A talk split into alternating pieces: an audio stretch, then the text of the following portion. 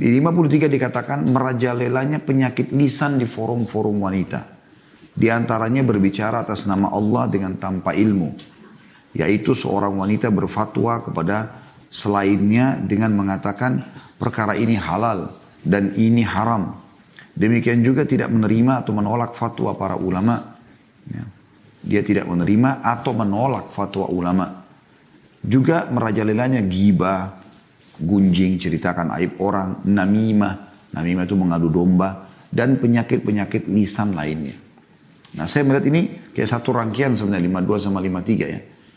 Kalau yang 52 lebih umum kepada eh, pelanggaran tidak amar ma'ruf nahi mungkar, tidak menyuruh pada kebaikan dan tidak melarang dari kemungkaran. 53 lebih terinci ya kepada apa yang kira-kira masuk dalam bab kemungkaran. Kalau biasanya perempuan kumpul, apa yang terjadi? Mereka mulai bercerita. Ya. Dan cerita ini ada kalanya kata penulis bisa berbicara atas nama Allah dengan tanpa ilmu. Misal mengatakan itu boleh kok, ini nggak boleh. Misal ini haram, ini halal. Dia begitu gampang mengucapkan kata-kata padahal dia tidak punya ilmu. Mungkin anda tidak asing dengan orang-orang seperti ini. Anda temukan dia seperti orang yang paling pintar dalam ilmu agama padahal tidak ada ilmunya. Dan akhirnya teman-temannya pikir, oh iya ternyata betul. Baru mereka, atau ternyata ini mungkin fatwanya. Lalu mereka amalkan, padahal sebenarnya itu tanpa ilmu. Ini termasuk kemungkaran. Ya, tidak boleh terjadi. Anda tidak boleh berbicara kecuali Anda punya ilmunya. Dan kata Nabi SAW, Man kana yu'minu billahi wal yawmil akhir, falyakul khairan aw. Sampai mengaku beriman kepada Allah dan hari akhir, dia mengucapkan yang baik saja atau dia diam. Atau dia diam. Ya.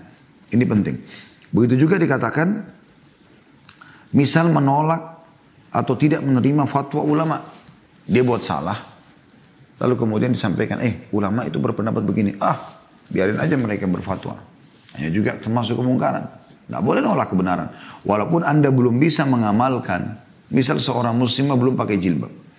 Lalu kemudian diingatkan, ini sudah dalilnya ada, fatwa ulama sudah keluar. Dia nggak boleh bilang, ah saya nggak mau dengar. Enggak. Dia bilang, oh iya, Baiklah, mudah-mudahan ya doain supaya Allah bisa membukakan hati saya. Misal, itu lebih baik daripada dia melakukan penolakan.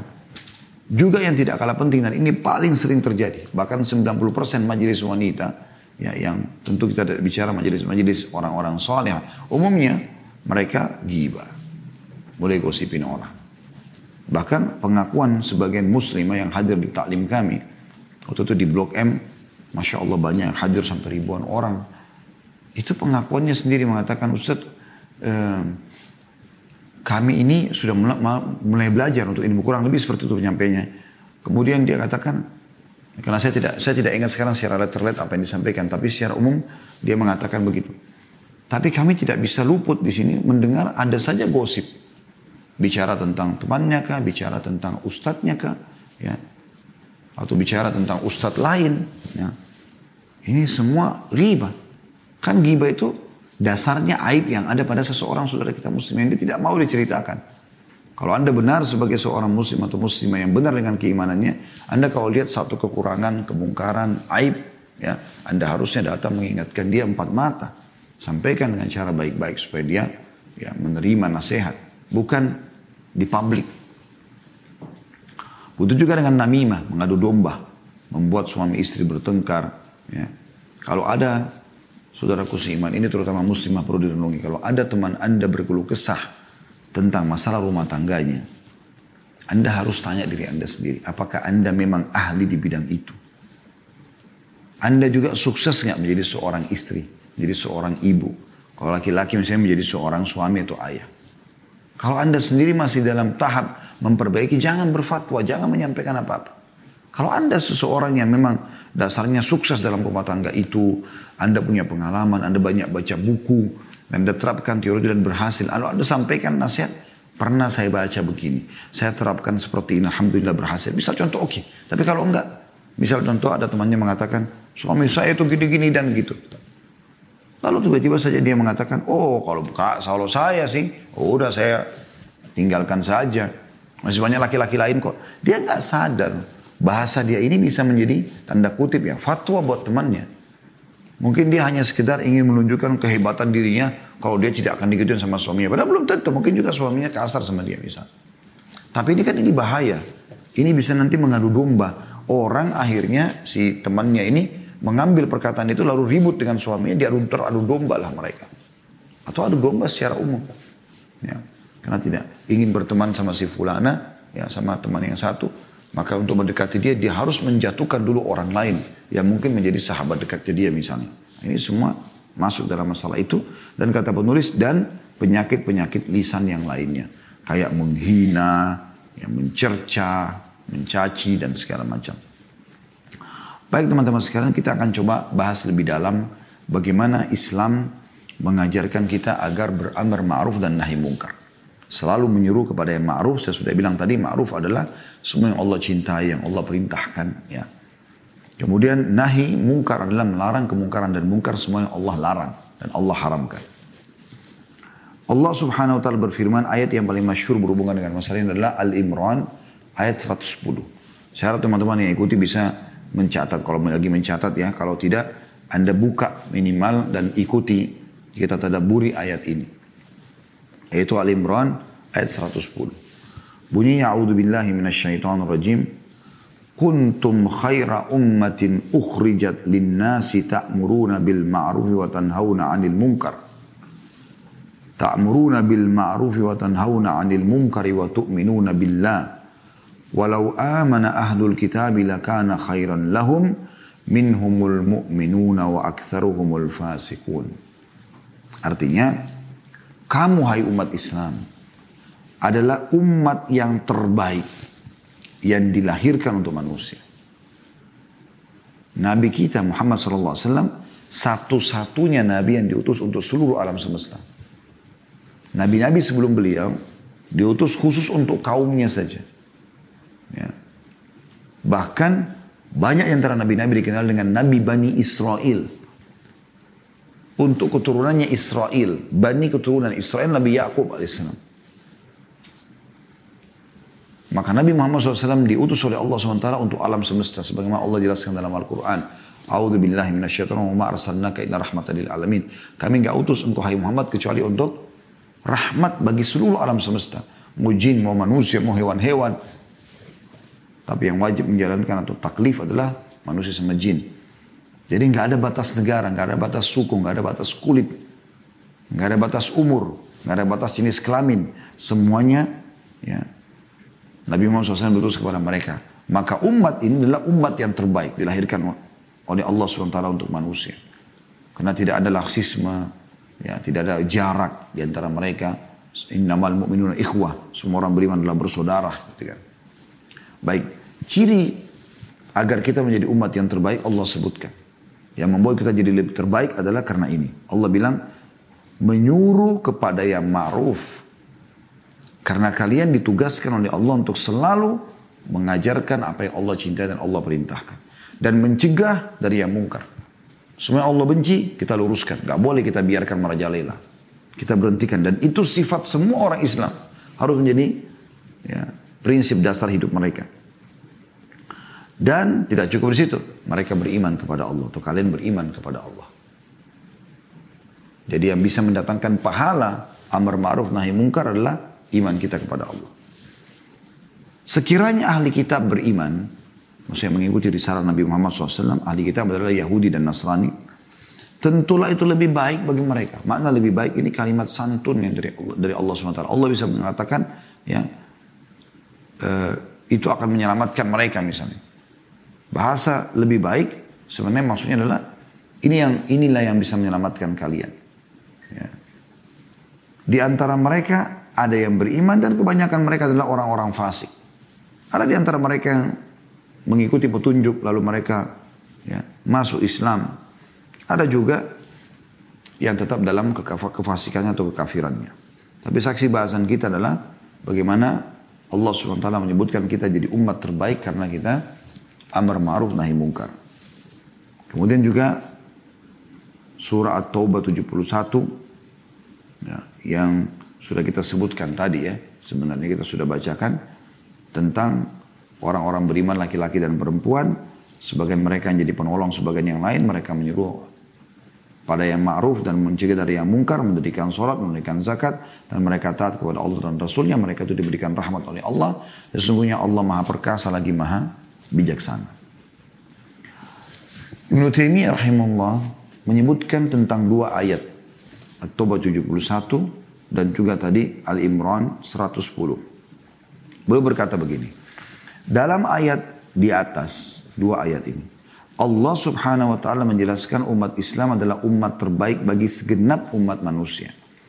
Umat yang paling memberi manfaat dan baik kepada manusia secara umum.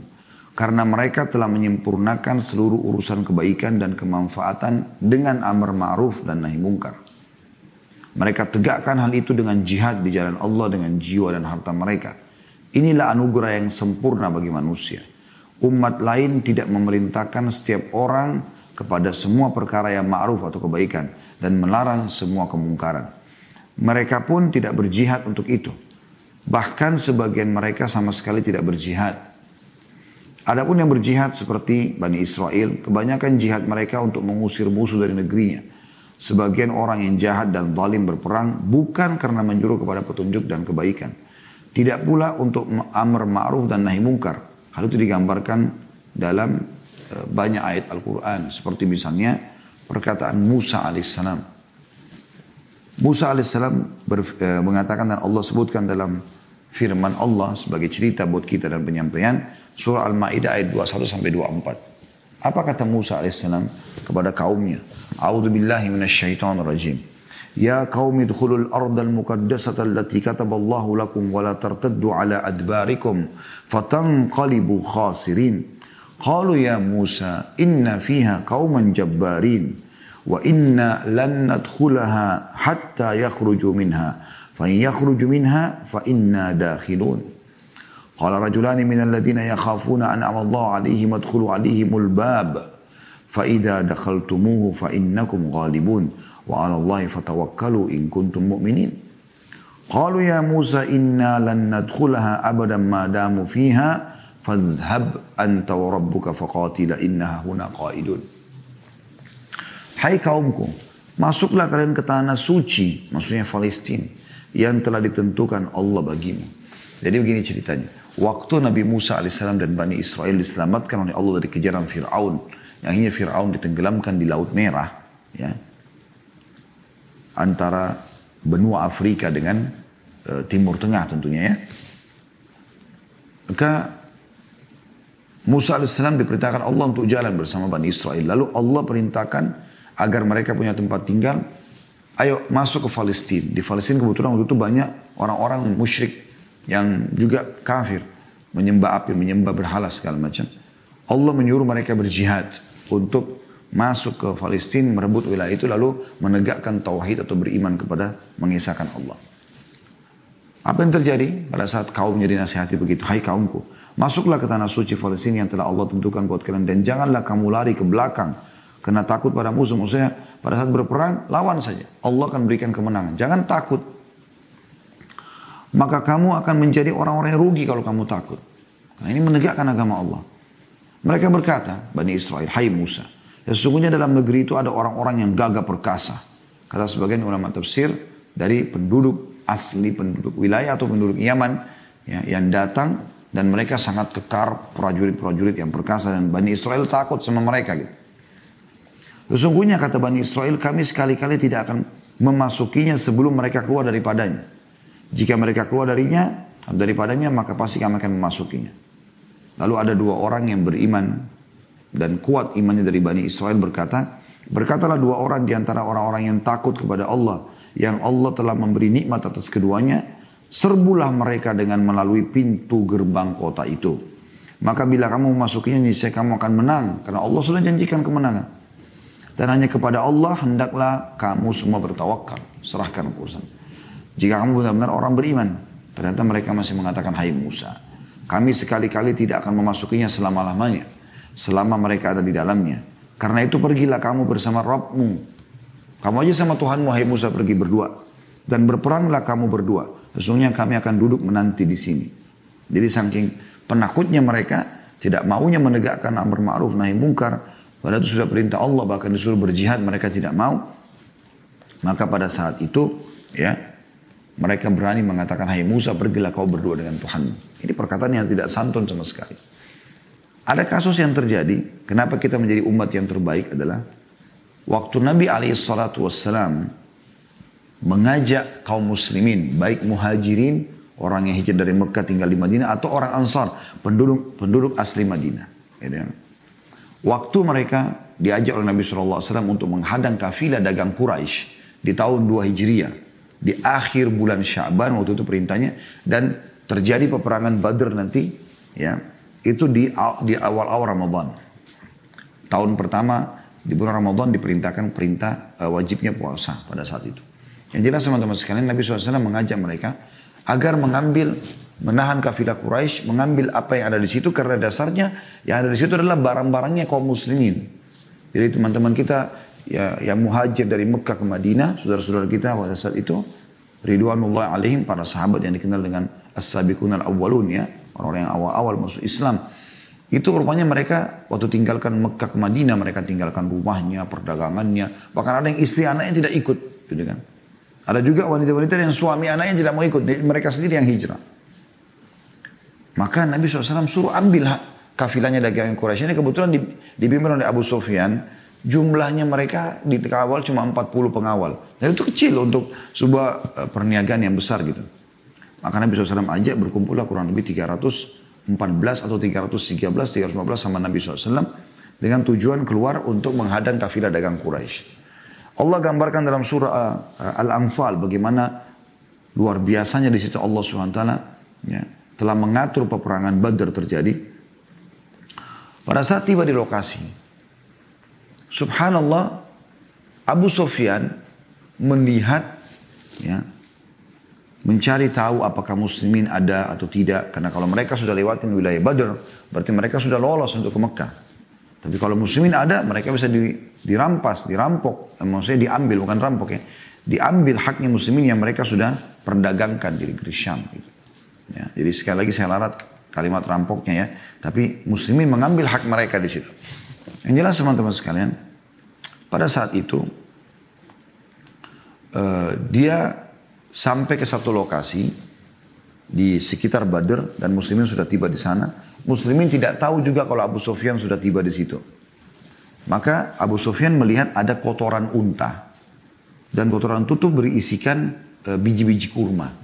Dan waktu itu tidak ada yang memberikan makan e, unta mereka kurma kecuali penduduk Madinah karena memang mereka melimpahkan di kurmanya gitu. Kurma dianggap makanan yang elit, yang, yang memang bagus, mewah, disukai gitu. Maka dia pun tahu kalau pasukan muslimin sudah tiba di situ. Dia segera mengirim orang ya surat ke Mekah, kirim surat kepada Abu Jahal, Umayyah bin Khalaf, Syaibah, Walid dan pimpin-pimpin Mekah, ya, Uqbah bin Abi Muaid untuk ya segera bentuk pasukan dan tolong selamatkan kita. Muslimin akan menyerang kafilah. Kebetulan memang tokoh-tokoh Quraisy inilah yang mendapatkan jatah dari harta-harta muslimin yang tertinggal di Mekah. Jadi tidak semua masyarakat Mekah dapat gitu ya. Cuma tokoh-tokoh masyarakatnya kayak pejabat-pejabatnya. Maka Abu Jahal pun dengan semangat memotivasi agar mereka semua keluar terkumpul kurang lebih pada saat itu seribu orang. Dan semuanya personel perang. Dari kepala sampai kaki mereka itu baju besi. Sementara muslimin yang keluar bersama Nabi SAW 314 orang itu mereka keluar dengan persiapan apa, apa, apa, ala kadarnya lah. Ya bukan untuk berperang, tapi hanya untuk menyerang kafilah. Ya, jadi kebanyakan mereka tidak pakai baju besi, ya mereka hanya bawa pedang, ada tidak ada yang bawa ada, ada, tapi tidak bawa perisai, ada yang bawa perisai sama pedang gitu karena naik kuda, ada yang jalan kaki. Jadi bukan pasukan perang, tapi hanya untuk menghadang kafilah dagang. Dengan hikmah Allah SWT, pasukan Quraisy tiba di lokasi Badr. Muslimin juga ada di situ. Ya. Kemudian Abu Sufyan jalan. Jadi kalau kita gambarkan misalnya uh, papan nama ini adalah sebuah gunung di Badr yang Allah gambarkan dalam Al-Quran dalam surah Al-Anfal. Di sebelah gunung itu ada pasukan Quraisy, di sebelahnya lagi ada pasukan muslimin. Dan Allah mengatakan, "Id antum bil udwati dunya" Kalian berada di posisi di sebelah bukit gunung yang lebih dekat ke arah Madinah. Wahum bil udwatil kuswa dan mereka ada di seberang yang lebih jauh dari Madinah. Warrakbu asfala minkum. Dan kafilah dagang yang kalian jadikan target di bawah kalian. Maksudnya sudah lewati bukit itu. Ya. Allah menggambarkan di situ. Lau tawa'atum lakhtalahtum fil mi'ad. Kalau kalian janjian mungkin kalian tidak akan tepati karena peperangan belum pernah terjadi selama ya fase Mekah 13 tahun melawan orang-orang kafir dan juga satu setengah tahun atau satu tahun ya di Madinah. Ini peperangan pertama tahun 2 Hijriah. Maka dengan hikmah Allah Subhanahu wa taala, Quraisy ya, kafilah dagang Abu Sufyan lolos, maka mereka kirim sudah kirim surat lagi ke pasukan Quraisy, sudah kami sudah lolos. Udah kalian kembali aja ke Mekah, nggak perlu berperang dengan Muhammad. Tapi rupanya di pasukan Quraisy ini dengan hikmah Allah SWT, mereka terus sering memotivasi sama mereka, masa kita sudah keluar, tangan kosong, apalah segala macam. Intinya, ada juga beberapa orang yang uh, sempat uh, menangis, berkeluh kesah sama tokoh-tokoh Quraisy agar tetap menyerang, uh, menuntut ya uh, apa namanya? Ada yang mungkin anaknya pernah jadi korban, dianggap korban oleh kaum muslimin dan segala macam. Maksudnya korban ini pernah ada uh, satu orang, subhanallah saya terlupa namanya di kajian sirah sudah saya bahas. Orang ini anaknya itu uh, sempat menjadi tawanan kalau tidak salah kaum muslimin atau menjadi korban muslimin sebelum terjadi perang Badar gitu. Maka dia pun ya merasa harus membalas dendam. Akhirnya pasukan Quraisy nggak jadi pulang. Dengan hikmah Allah SWT, kafilah selamat, ya, pasukan Quraisy akhirnya berhadapan dengan muslimin. Ya. Dan sini waktu Nabi SAW mendapatkan wahyu dari Allah Subhanahu Wa Taala tentang apa yang terjadi, beliau pun duduk bersama dengan uh, sahabat-sahabat uh, Nabi atau sahabat beliau Ridwanullah alaihim dari muhajirin orang-orang hijrah dari Mekah dan orang Ansar. Nah di sini kita coba lihat faktor kejiwaannya teman-teman sekalian. Secara kejiwaan Orang-orang Mekah, muhajirin, mereka punya emosional untuk membalas. Ya. Mereka punya emosional untuk membalas. Tetapi orang-orang Madinah, nggak ada hubungannya dengan orang Mekah. Nggak pernah punya permusuhan, perang-perangan gitu sebelumnya. Sekarang di dalam pasukan Nabi SAW ada orang-orang Madinah. Dan akan bukan cuma menghadang kafilah dagang sekarang, tapi akan perang gitu. Maka Nabi SAW mulai menceritakan apa yang sedang terjadi. Kalau kafilah telah lolos dan sekarang ada musuh depan kita, jumlahnya seribu orang, semuanya personel perang. Gimana nih? Maka akhirnya mereka pun eh, para muhajirin mulai dari Abu Bakar mengatakan ya Rasulullah ya perintahkan apa saja kalau anda mau kami berperang kami perang kalau anda suruh kami pulang kami pulang Nabi SAW berterima kasih lalu Nabi mengatakan hai manusia berikan aku informasi maka berdiri Umar mengucapkan kalimat yang sama. Berdiri Mikdad dan terus banyak sahabat-sahabat Nabi yang dari Mekah berbicara. Nabi SAW masih mengatakan, e, saya, e, hai manusia beritahukan informasi. Maksudnya apa harus kita lakukan? Maka pada saat itu Sa'ad ibn Ubadah radhiyallahu anhu, seorang sahabat Nabi yang mulia dari pemimpin e, suku Khazraj di Madinah, dari Ansar ya, mengatakannya Rasulullah, seakan-akan anda sedang e, menginginkan kami, ya kaum Ansar. Kata Nabi SAW benar. Jadi seakan-akan Nabi mau bilang, kalau ini orang-orang muhajirin dari tadi ngomong ini, mereka punya emosional gitu kan. Karena memang mereka disiksa di Mekah, harta mereka diambil. Kalau kalian bagaimana? Tapi Nabi cuma mengatakan, benar, aku ingin dengar pendapat kalian. Maka kata Sa'ad radhiyallahu kalimat yang mulia. Ya. Dia mengatakan, ya Rasulullah, ya, jangankan anda perintahkan kami menuju ke ya, mana? Menuju ke melawan Quraisy pasukan. Kalau anda perintahkan kami masuk ke dalam lautan, kami akan masuk ke dalam lautan. Ya. Di sini saya terlupa apakah Sa'ad bin Ubadah yang mengatakan kalimat ini atau ada sahabat Nabi yang lain mungkin Mikdad kalau tidak salah salah satunya ya seingat saya yang mengatakan ya Rasulullah kalau kami tidak akan mengucapkan seperti yang diucapkan oleh Bani Israel kepada Musa. Yang waktu saat diajak untuk masuk ke Palestina, mereka mengatakan, Idhab anta wa rabbuka faqatila inna huna qaidun. Pergilah kau berdua, hai Musa dengan Tuhanmu, perangi mereka. Kalau sudah menang, beritahukan kepada kami. Kami akan tunggu di sini. Tapi kami akan mengatakan, pergilah kamu bersama Tuhanmu, ya Rasulullah. Dan kami akan bersama kalian berdua. Begitu. Ya. Dan ini saksi bahasan kita. Memang kita menjadi umat terbaik justru karena kita amar ma'ruf nahi munkar. Bahkan sampai pada tingkat kita mengorbankan jiwa dan harta kita berjihad untuk itu. Ya. Ibnu Taimiyah berkata, mereka berperang lantaran diusir dari tanah air beserta anak-anak mereka. Sudah demikian, mereka pun masih melanggar perintah sehingga tidak dihalalkan bagi mereka harta rampasan perang. Demikian juga tidak boleh mengambil budak-budak tawanan perang. Artinya orang-orang Bani Israel mereka ya, bukan justru menegakkan amar ma'ruf mungkar, Sampai wilayah mereka pun yang mereka harus kuasain dan mereka jadikan sebagai tempat tinggal disuruh untuk merebutnya, mereka juga tidak mau. Maka beda sekali dengan umat ini tentunya.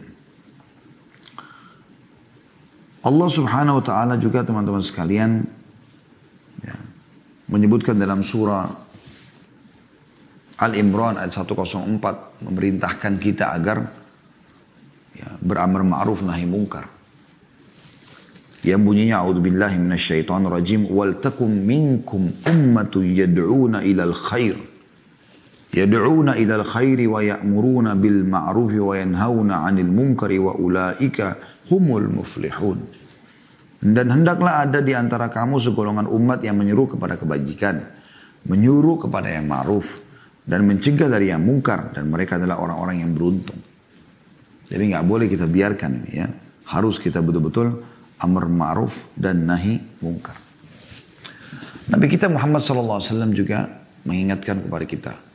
Tentu walaupun bahasan kita tentang muslimah ini, dalil ini berlaku umum untuk semua muslim dan muslimah, laki-laki dan perempuan. Tetapi kita sedang karena membaca bicara tentang keluar wanita, maka juga banyak terjadi mereka tidak amar ma'ruf nahi mungkar. Perhatikan Nabi SAW bersabda dalam hadis yang masyur, hadis riwayat muslim. Man ra'a minkum mungkaran Siapa saja di antara kalian yang melihat kemungkaran. Sudah kita katakan tadi kemungkaran apa yang Allah benci, yang Allah larang, Allah haramkan. Falyughayyirhu biyadi. Maka dia semestinya mengganti, memberhentikan dengan tangannya. Mana tangan powernya, kekuatannya gitu kan. Kayak misalnya pemimpin negara pada masyarakatnya, orang tua pada anak, pimpinan perusahaan pada bawahannya, uh, suami pada istri ya, yang punya power. Dia berhentikan kemungkaran. Misal anaknya lagi mabuk, ayahnya ngambil botol minuman keras itu kan dengan powernya ya. atau seorang pimpinan perusahaan dia pecat pegawainya yang melakukan kemungkaran sudah diingatkan tidak mau atau seorang pemerintah yang pemimpin pemimpin negara menghukum memenjarakan atau mencambuk orang yang melakukan pelanggaran-pelanggaran kayak mabuk berzina dan segala macam gitu. Fa in lam yastati fa Tapi kalau dia tidak punya kemampuan untuk tidak punya power maka dia ubah kemungkaran itu dengan lisannya. Nasihati. Ini nggak boleh, ini haram. Masalah mereka terima nggak terima itu bukan urusan kita. Yang penting sudah kita nasihati. Karena kalau kita tidak nasihatin ada sebuah riwayat yang ya atau sebuah athar yang disebutkan kalau Nabi SAW bersabda, kalau ada orang melihat seseorang berbuat mungkar lalu dia tidak luruskan, maka orang yang berbuat mungkar akan datang hari kiamat mencekik lehernya orang yang melihatnya berbuat mungkar ini lalu berkata di hadapan Allah, ya Allah, orang ini melihat saya buat mungkar, dia tidak ingatkan, maka saya tuntut dia sekarang. Justru orang itu nanti akan panen pahala kita karena kita naudzubillah ya pada saat semoga Allah selamatkan kita pada saat dia buat kemungkaran kita nggak ingatkan. Kalau juga belum bisa fa'innam yastati dengan lisannya, fabi qalbih, wa dzalika adhaful iman. Maka dia pungkiri dengan hatinya dan itu adalah selemah-lemah iman. Dalam riwayat lain, dan tidak ada lagi tingkatan di bawah itu. Maka minimal doakan, ya Allah berikan hidayah kalau kita memang tidak mampu. Misal ibu-ibu, karena memang tadi kita banyak ibu mengikuti, maka saya panggil anda dulu. Dan juga anda bapak-bapak sekalian untuk ikhwah dan akhwat sekalian yang menghadiri acara kita ini. Dan insya Allah mungkin kalaupun ada siaran ulang, maka sama saja panggilan saya menyuruh kepada kita semua. Ya, kalau misalnya ada orang, ya, anda lewat di jalan, ada wanita tidak berhijab. Itu kan kemungkaran. Ada pelang iklan sampo perempuan tidak berhijab. Ada iklan rokok atau apa saja. Di sini Anda tidak boleh diam. Apa yang Anda lakukan? Anda ingkar mungkar. Kalau Anda punya power, pemerintah Anda berhentikan. Kalau Anda tidak bisa, Anda nasihati dengan lisan pemiliknya. Anda tidak bisa, ini paling paling gampang. Pungkiri dengan hati. Kita mengatakan, Ya Allah, semoga engkau hilangkan kemungkaran ini. Supaya kita selamat dari tuntutan pada hari kiamat. Karena orang-orang yang berbuat mungkar itu akan menuntut kita pada hari kiamat kalau kita tidak meluruskan kesalahan mereka. Sekarang kita dengarkan bagaimana kesepakatan ulama tentang wajibnya amar ma'ruf nahi mungkar. Ibnu Hazm rahimahullah salah satu ulama yang ada di Spanyol berkata, seluruh umat telah bersepakat mengenai kewajiban amar ma'ruf nahi mungkar. Tidak ada perselisihan di antara mereka sedikit pun. Kemudian juga An-Nawawi Imam Nawawi rahimahullah berkata, telah banyak dalil-dalil Al-Quran dan As-Sunnah serta ijma atau kesepakatan yang menunjukkan kewajiban amar ma'ruf dan nahi mungkar. Asy-Syaukani berkata, Asy-Syaukani berkata, amar ma'ruf nahi mungkar termasuk kewajiban. Pokok serta rukun syariat terbesar dalam syariat. Ya. Dengannya sempurna aturan Islam dan tegak kejayaannya. Jadi kapan umat Islam sibuk semuanya, laki-laki, perempuan, yang muda, yang tua, selalu saling mengingatkan yang baik. Dan baik sudah kita sepakati pasti tentunya. Ya sholat, ya puasa, perintah-perintah Allah SWT dalam melakukan kebaikan dan ketaatan. Kita selalu saling mengingatkan di sini, maka orang-orang akan terbawa, tergiring pada ketaatan. Dan kita melarang kemungkaran, kemaksiatan kepada Allah, kita berhentikan itu. Maka di sini nanti akan tegak agama Allah SWT. Dan di situlah kita akan mencapai kejayaan kita. Inilah yang membuat bagaimana negara Islam berdiri di zaman Nabi SAW di Madinah. Ya, peraturan syariat Allah ditegakkan karena ada amar ma'ruf nahi munkar. Khulafa Rashidin juga Abu Bakar, Umar, Uthman, Ali radhiyallahu juga begitu. Begitu juga dengan dinasti pertama dalam Islam Umayyah ya. Dari tahun 40 sampai 132 Hijriah. Karena Khulafa Rashidin kan dari tahun eh, 11 sampai 40 ya. Abu Bakar 11 sampai 13, Umar 13 sampai 23, Uthman 23 sampai 37 kurang lebih, Ali 37 sampai 40 eh, radhiyallahu anhu ajma'in. Kemudian dinasti Umayyah berdiri dari tahun 40 sampai 132 Hijriah. Ini semua kekuasaan-kekuasaan Islam yang menegakkan amar ma'ruf nahi mungkar. Mereka menegakkan perintah Allah SWT, mereka melarang dari kemungkaran. Kemudian datang Abbasiyah, ya, yang berdiri dari tahun 130 sampai 656 ya, kurang lebih Hijriah. Kemudian ada setelah itu Uthmaniyah yang baru saja runtuh sekitar 96 eh, tahun yang lalu ya. 1924 ya, kemudian digantilah dengan sistem yang bukan Islam tentunya. Abu Bakar Al-Jashah atau uh, salah satu tokoh ulama berkata Abu Bakar Al-Jassah ya, Allah subhanahu wa ta'ala telah menegaskan kewajiban amr ma'ruf nahi mungkar melalui beberapa ayat dari Al-Quran. Lalu dijelaskan oleh Rasulullah SAW dalam hadis yang mutawatir. Maksudnya jalurnya banyak sampai kepada beliau SAW. Dan para salaf telah serta ahli fikih ya, telah berkonsensus atas kewajibannya. Seperti itulah. Ya. Sekarang teman-teman sekalian kita lebih dalam sedikit membahas ada dua poin tersisa yaitu hukumnya eh, amar ma'ruf yang tadi kan disepakati dia adalah kewajiban. Baik, kewajiban ini sifatnya fardu ain atau fardu kifayah. Maksudnya fardu ain atau fardu kifayah gini. Fardu ain itu apakah wajib untuk setiap individu semua wajib. Misalnya gini, kita 10 orang nih, ada satu orang nggak sholat. Apakah setiap sembilan orang yang tersisa yang sholat ini punya kewajiban menasihati satu orang yang tidak sholat itu semuanya? Ain itu maksudnya per individu. Atau hukumnya fardu kifayah. Kewajiban tapi kifayah. Kifayah maksudnya tercukupkan kalau sudah ada yang menegakkan. Misal tadi satu orang nggak sholat contohnya, sembilan orang ini sholat. Ya. Kalau fardu kifayah maksudnya kalau ada dari sembilan orang ini satu sudah nasihatin, yang lain gugur kewajibannya. Kemudian bisa ditangkap ya. Jadi apakah dia fardu ain? Tadi kalau satu orang tidak sholat, sembilan, sepuluh orang ini total bersahabat, ya batu berteman, satu nggak sholat, sembilan orang sholat. Apakah sembilan orang ini semua wajib masing-masing menasihati? Harus dia bilang kamu nggak sholat dosa gini-gini misalnya. Itu namanya fardu ain. Atau dia fardu kifayah. Artinya tercukupkan kalau dari sembilan orang ada satu orang saja yang meluruskan itu. Nah, ada yang mengatakan fardu ain. Di antara ulama yang mengatakan fardu ain adalah Ibnu Kathir, kemudian Ibnu Hazm. Mereka berdalil dengan tadi Ali Imran 104 yang bunyinya a'udzubillahi minasyaitonir rajim wal takum minkum ummatun yad'una ilal khairi wa ya'muruna bil ma'ruf wa yanhauna 'anil munkar wa ulaika humul muflihun. Hendaklah ada di antara kamu segolongan orang yang menyeru kepada kebaikan, menyeru kepada yang ma'ruf, ya, dan mencegah dari yang mungkar mereka adalah orang-orang yang beruntung. Kemudian mereka juga berdalil dengan Al-Imran tadi 110 kalian adalah umat yang terbaik yang dilahirkan untuk manusia menyuruh kepada ma'ruf menjaga dari yang mungkar dan beriman kepada Allah. Juga mereka berdalil dengan surah Fussilat ayat 33 A'udzu billahi minasyaitonir rajim wa man ahsanu qawlan mimman da'a ila Allah wa 'amila shalihan wa qala innani minal muslimin. Siapa yang lebih baik perkataannya daripada orang yang menyuruh kepada Allah mengerjakan amal saleh dan berkata sungguh aku termasuk orang berserah diri. Nah, dari sini mereka mengatakan ayat-ayat ini memberikan isyarat tentang fardu ain. Artinya setiap individu tadi wajib meluruskan kesalahan tersebut. Dan mereka juga mengatakan sebagaimana Umar bin Khattab menganggap sebagai menganggapnya sebagai syariat Allah bagi orang yang bergabung ke dalam barisan umat Islam. Beliau berkata setelah membaca surah Al-Imran ayat 110, wahai sekalian manusia, barang siapa yang ingin termasuk umat terbaik hendaklah menunaikan syariat Allah darinya. Kemudian ulama yang mengatakan fardu kifayah, artinya kalau satu orang meluruskan sudah cukup ya. Dan itu cukup banyak ulama di sini ada Al-Mawardi, ada Abu Ya'al Al-Hambali, ada Ibnu Qudama, ada An-Nawawi, ada Ibnu Taimiyah, ada Asy-Syatibi, ada Asy-Syaukani.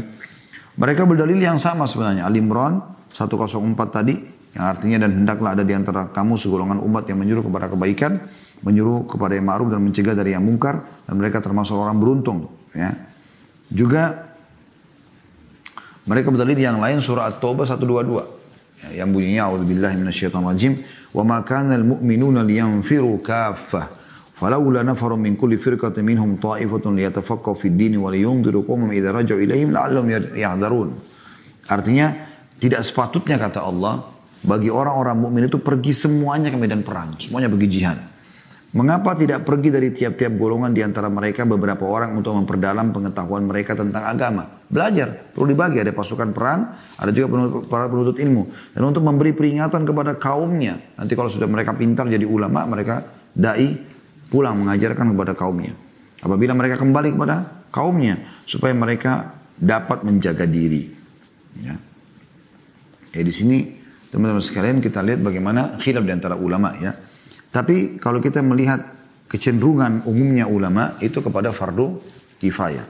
Dia mirip hukumnya dengan uh, sholat jenazah ya. Kalau sudah ada yang sholati maka gugur bagi yang lain. Mirip juga hukumnya dengan orang kalau lagi dalam satu majelis 10 orang, 20 orang. Kemudian ada yang ucapan salam. Kan mengucapkan salam sunnah. Tapi menjawab salam hukumnya wajib. Sekarang kalau kita 10 orang dulu dalam satu majelis. Ada satu orang telat datang. Lalu dia salam. Nah, kalau kita bilang fardu ain, berarti setiap orang harus jawab salam semuanya. Kalau fardu kifayah berarti cuma sebagian saja yang jawab, maka yang lainnya gugur. Maka ini mirip hukumnya dengan ini. Ya, dan ini pendapat Allah alam yang lebih cenderung kepada uh, lebih tepat lah ya, yaitu fardu kifayah. Ya. Tapi lebih baik seseorang jangan bergantung dan mengatakan, oh kan Nanti ada yang mengingatkan kok, tidak usah saya. Enggak, bukan begitu. Jadi kalau selama belum ada yang luruskan, Anda punya kewajiban untuk meluruskan. Karena nanti akan ada ya pertanyaan dari Allah Subhanahu Wa Taala, kenapa ya tidak amar ma'ruf dan nahi mungkar. Nah, ini perlu teman-teman di garis bawahi tentunya. Allahu alam. Tapi yang kita simpulkan adalah, mari teman-teman sekalian kita coba ya uh, menegakkan salah satu dari pondasi dasar Islam ini yaitu amar ma'ruf nahi mungkar supaya betul-betul kita bisa uh, apa namanya menegakkan agama ini karena ini simbol Islam ya. Bagaimana setiap individu muslim merasa bertanggung jawab untuk menyampaikan mana yang benar menurut Allah SWT dan mana yang salah menurut Allah SWT dimulai dari kita di rumah tangga kita ya. Meluruskan pasangan meluruskan anak-anak ya Eh, begitu juga pembantu, pekerja dan segala macam. Anda juga di perusahaan begitu dengan persahabatan Anda dan umumnya di tengah-tengah masyarakat. Ya. Kita lihat memang itu yang dinukil dari para salafus salih dimulai dari Nabi SAW. Nabi kalau lihat kemungkaran, Nabi langsung ingatkan. Nabi kalau lihat ma'ruf, Nabi berikan dukungan. Dan itu turun temurun para sahabat lanjutkan sepeninggal Nabi SAW dan terus tabi'in, tabi' tabi'in. Dan insya Allah sampai menjelang hari kiamat orang beriman akan melakukan perbuatan tersebut. Ya.